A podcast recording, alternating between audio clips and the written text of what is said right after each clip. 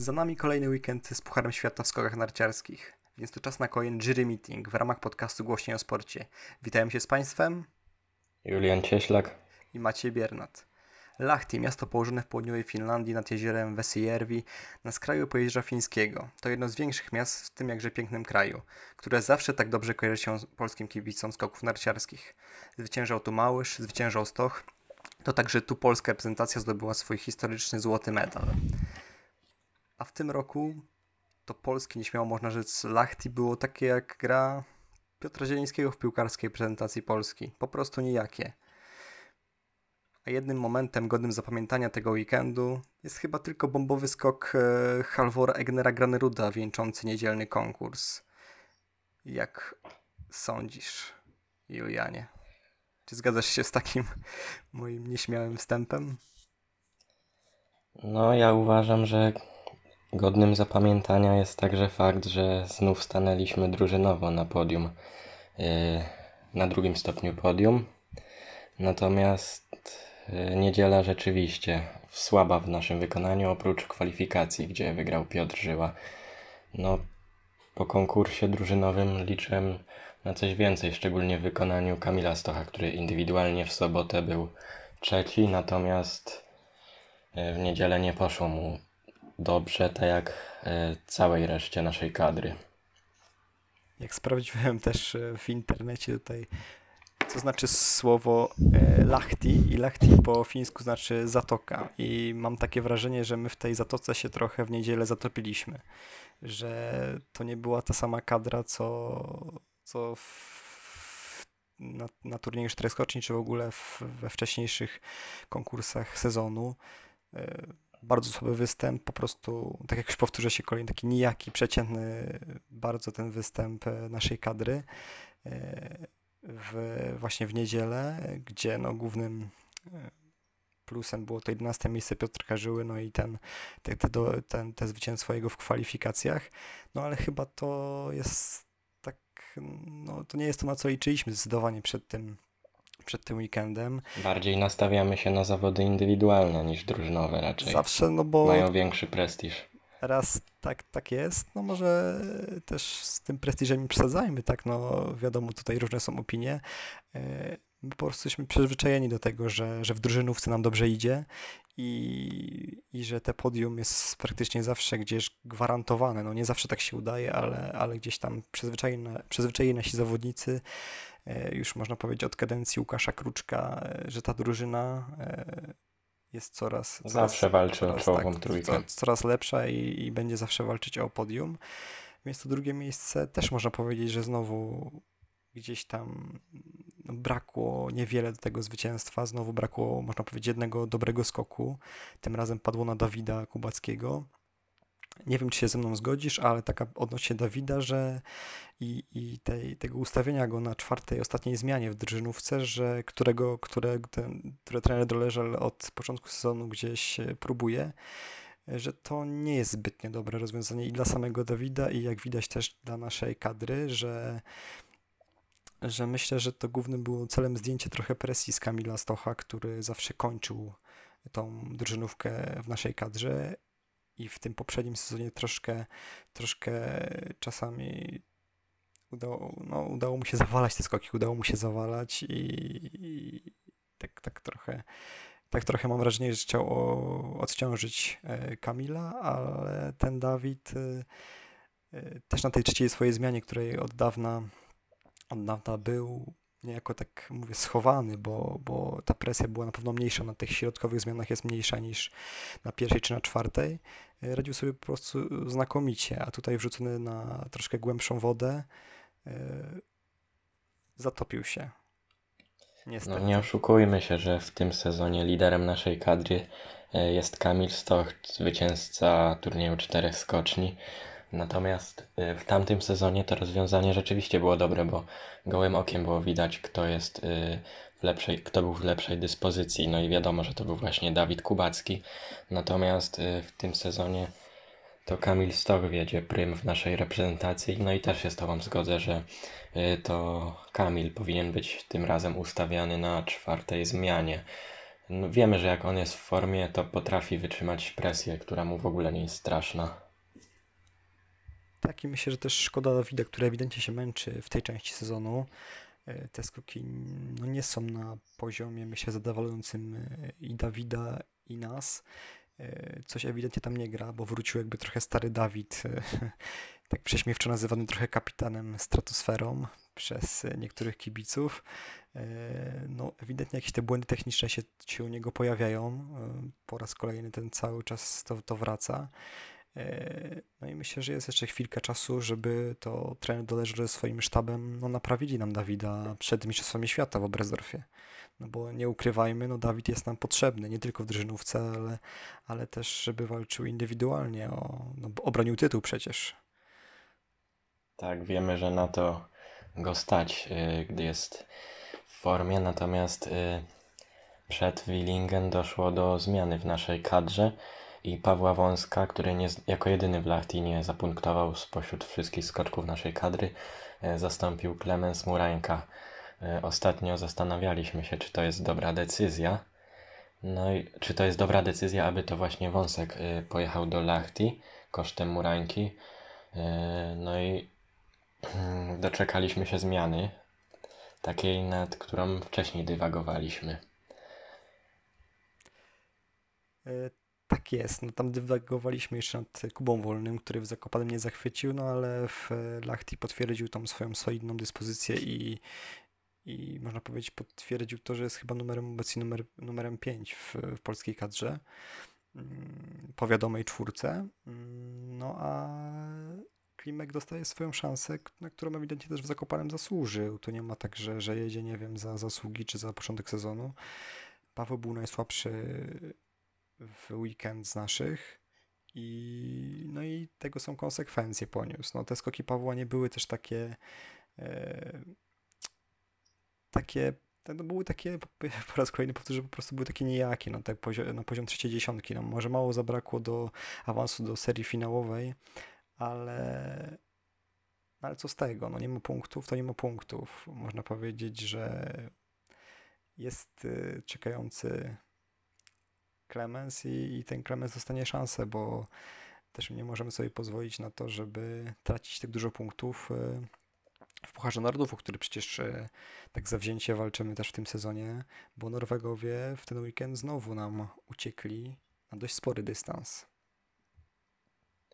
Tak, szczególnie punkty się przydają, ale to najbardziej od naszych czołowych e, skoczków, bo wiadomo, że im wyżej, tym jest więcej punktów do zdobycia.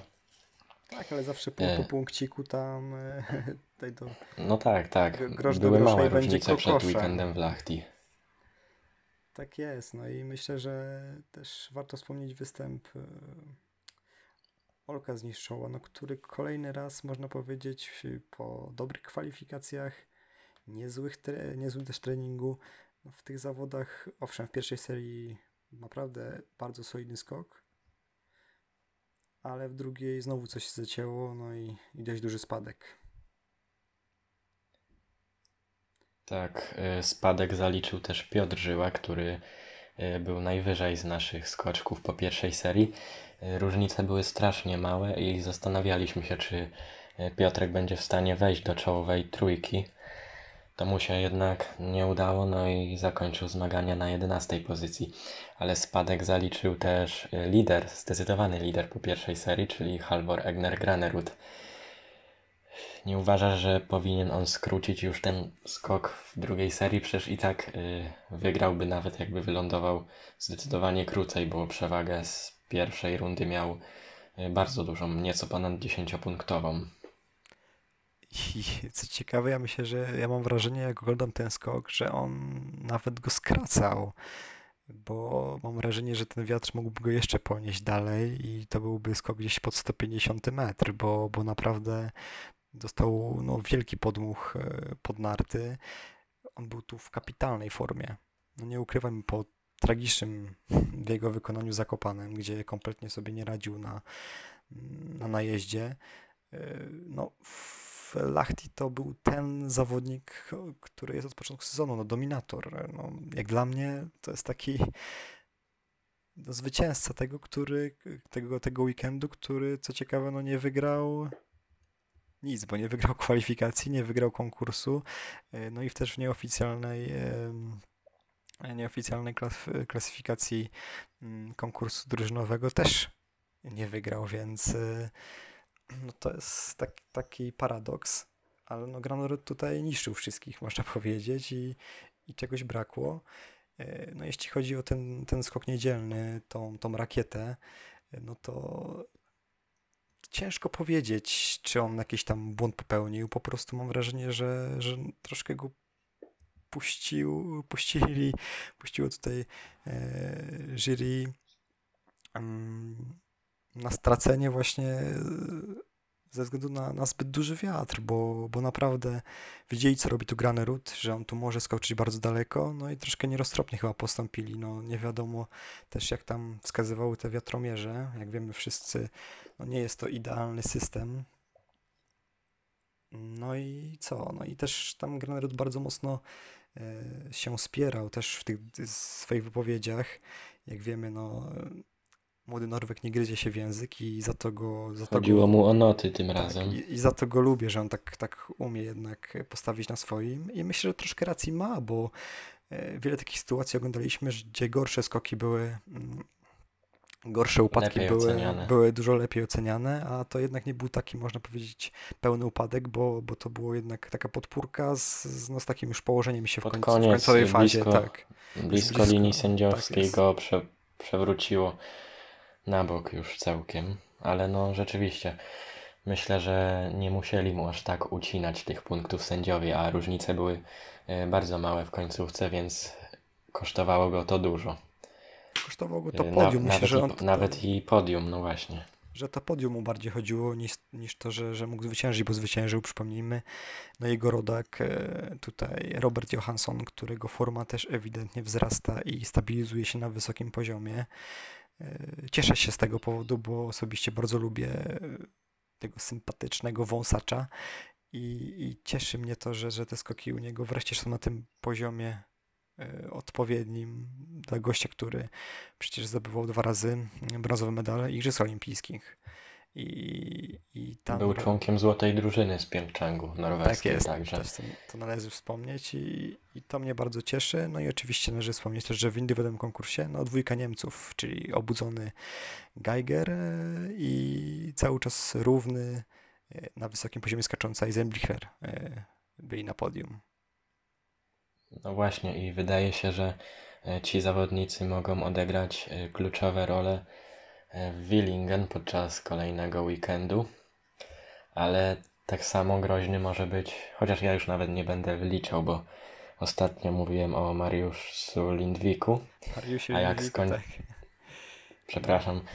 Y, I a wiemy jak on skończył y, w Lahti po bardzo udanym Zakopanem, gdzie był kluczowym elementem układanki Aleksandra Sztekla w drużynówce, no a potem E, zwyciężył indywidualnie. Można powiedzieć, że zamienili się rolami z Granerudem, że Mariusz skakał kapitalnie w Zakopanem, pobijał tam te 140 metrów dla niego to było nic na Wielkiej Krokwi, a w Lachti kompletna, znaczy nie powiem zapaść, no zapaść była w indywidualnym konkursie, bo w drużynie skakał dość solidnie. Wszystko nie było tego błysku. Już zaczęło dziesiątką, no właśnie. Tak, nie było tego błysku z Zakopanego, ale te skoki były takie akceptowalne, myślę, a no, w tym konkursie indywidualnym coś, coś pękło i coś nie wyszło. Mam wrażenie, że Mariusz Lindwik to jest takim gościem, który jak, jak mu skocz nie podpasuje, to na tej skoczni po prostu no nie będzie, nie będzie walczył jakoś o wysokie lokaty. Mam wrażenie, że to Lahti mu po raz kolejny no, nie podpasowało. On w ogóle w Finlandii słabo skacze. Czy to tak. Puchar Świata, czy to Puchar Kontynentalny. Jakąś ma awersję chyba do tego kraju, no. nie wiem, jakie tam są stosunki, ale myślę, że Mariusz no, nie, bardzo, nie bardzo lubi to, to, to, to Lahti. Mm, w przeciwieństwie do Graneruda, który też, jak mówiłem tydzień temu, no, wcześniej też e, Kusamo przecież odniósł swoje pierwsze zwycięstwo I też w Lachti w zawodach Pucharu Świata. Tak, i też w Lachti świetnie się, się prezentował we wcześniejszych latach. To tam była chyba jego druga z kolei życiówka.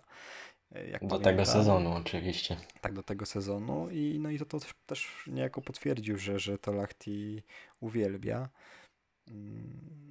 I to Lachti też go uwielbia, tak jak powiedział e, Akito Watabe w, po wygranej w kombinacji norweskiej, gdzie podobna sytuacja jest z Jarlem Magnusem Riberem. Można powiedzieć, jego porównać do Lindwika, który też za bardzo tego Lachti, e, Lachti nie lubi.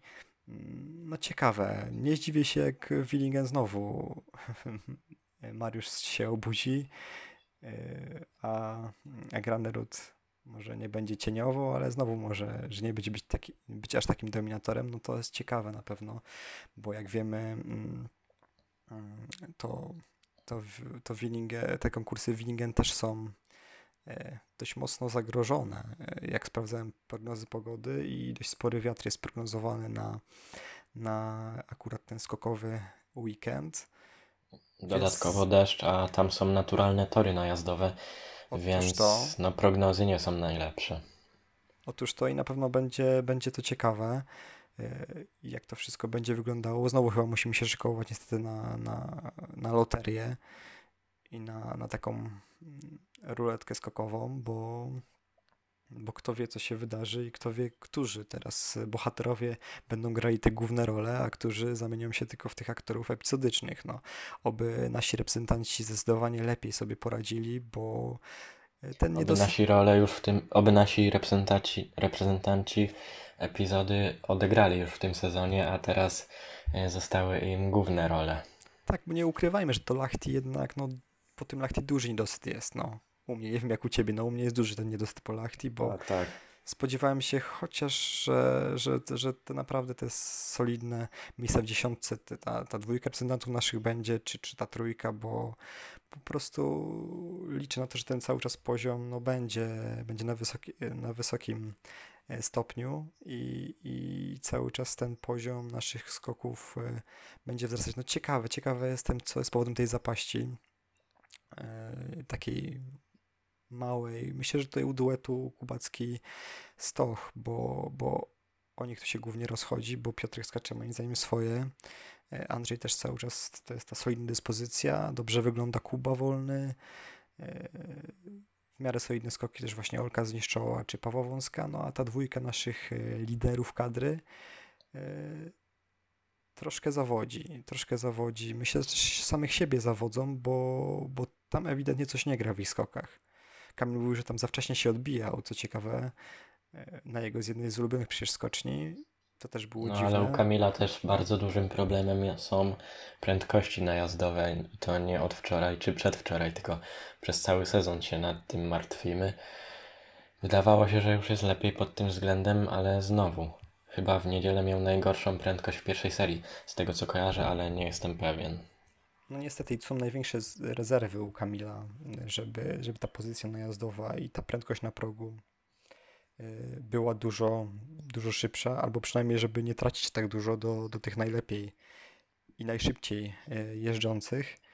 Y, No i no zobaczymy, no, jak to będzie wyglądało mm, właśnie w Willingen, gdzie przecież też Kamil bardzo lubi skakać bo to jest taki też mini mamut, y, więc pewnie i tak y, znowu Norwegowie y, będą, będą bardzo groźni. Myślę, że groźni, groźny też będzie Stefan Kraft, o którym tak ma, może mało się mówi teraz, ale on tak cichaczem, cichaczem i cały czas tej czołówce się, się znajduje, a Tak, kiedy skacze, to jest w tak. czołówce, bo Zakopany odpuścił, a tutaj znowu dobre skoki i Tak, piąte tak, miejsce indywidualne. Tak, tak, tak. A Mistrzostwa Świata to już tuż przypominamy, bo już, e, bo już to niedługo wszystko nastąpi i, i myślę, że ten e, doświadczony już i, i, Utytułowany. i tytułowany bardzo, bardzo Austriak, no, będzie na pewno groźny. Myślę, że podobnie jak kolejne duże nazwisko, czyli Ryoru Kobayashi, który też zaliczył e, olbrzymi awans e, w niedzielnym konkursie. I znowu zajął miejsce w czołowej dziesiątce. Tak, i co ciekawe, taki też ten sezon Ryoyu jest taki niby średni, niby taki taki kompletnie niewidoczny, a on tak, tak powoli się, się rozpędza, jak taka dobrze naoliwiona lokomotywa, bo, bo najpierw były te miejsca e, na przełomie tam drugiej, trzeciej dziesiątki, później się ustabilizowanie tej, tej jego formy na poziomie 15 miejsca, bo kilka takich mu właśnie w tych okolicach miejsca mu, mu tych miejsc e, wypadło, no a teraz już coraz śmielej w tej dziesiątce, no i i ciekawe, czy, czy już na, na, na tej mistrzowskiej imprezie, na czempionacie w Oberstdorfie nie będzie walczył o podium, a może nawet o, o przysłowiowego majstra. No to na koniec y, jeszcze dzisiaj pobawmy się w typowanie konkursu w Willingen. Mam zacząć? Nie, tak, tak. Znowu mnie tutaj na minę pchasz. E, no to ja zatypuję tak niestandardowo może Mariusz Lindwik. No właśnie, ty y, typujesz na ja typuję. Lindwika, tak. który powróciłby znowu. Ja typuję Norwega w ogóle. Ja myślę, że tutaj Norwegowie będą. Tak. Teraz Johansson, a teraz Lindwik. To ja zatypuję Kamila Stocha, który po kilku słabszych konkursach E, no pasowałoby, żeby w końcu wskoczył na ten wysoki poziom, taki jak prezentował szczególnie w austriackiej części turnieju czterech skoczni, czy w pierwszym konkursie w Titize Neustadt. No i wiemy, że Kamil Willingen także e, lubi. On tam odniósł aż trzy zwycięstwa indywidualnie i dwa razy był drugi i raz trzeci. Tyloma, tyloma taką samą liczbą e, wiktorii może się pochwalić jedynie Noriaki Kasai e, na Mlenkopf szance. Ja powiem ci tak, Także... Powiem ci tak jeszcze, że wygra, wygra któryś konkurs, stawiam, że wygra Lindwik, ale powiem ci, że ten e, cykl Willingen Six, bo w tym sezonie jest to, będzie to Willingen Six, czyli tam mierzone skoki z, e, z podwójnych kwalifikacji i właśnie z, z konkursów. E, I myślę, że ten cykl cały nie wygra Lindwik, a wygra go Stefan Kraft, bo jest stabilniejszym skoczkiem. Całkiem prawdopodobne, ale no pasowałoby też dołożyć do tego jakiś błysk, bo po cichutku, po cichutku w czołówce, ale główne role odgrywają inni zawodnicy, czy to właśnie Granerud, czy, yy, czy to Granerud właśnie w Titize jeszcze wcześniej. też, bo tutaj nie ukrywajmy, że, tak, on że u siebie, on jeszcze bardziej u siebie Niemcy też będą stabilniejszy. Groźni. Tak, u siebie Niemcy też będą groźni. No i ciekawe też, czy Geiger po raz kolejny wskoczy na podium, bo też była ta jego zapaść. E, zapaść w Zakopanem, zapaść też w tych troszkę austriackich konkursach e, turnieju czterech skoczni, a w Lachti inny zawodnik, też zupełnie odmieniony w praktycznie w parę dni, skaczący na, na kapitalnym poziomie. No, ciekawe nie są skoki narciarskie i na pewno mimo nieprzewidywalne. tego nieprzewidywalne też wynikowo, ciężko coś cokolwiek typować, więc nie polecamy grać u Bookmachera, bo, bo naprawdę w tym sezonie się może zdarzyć wszystko i mimo tego troszkę nijakiego weekendu e, odnośnie wyników, e, odnośnie do wyników naszej kadry e, właśnie weekendu w Lachti patrzymy tutaj, myślę, że patrzymy z pozytywnym nastawieniem na, na resztę sezonu i liczymy, że już Willingen, nasi reprezentanci no, dociągną do, do tego poziomu, do którego nas przyzwyczaili mm, od początku tego sezonu. Dziękujemy za dziś e, w podcaście e, Jury Meeting. Mówili do Państwa Macie Biernat i Julian Cieślak. Dziękujemy, do usłyszenia.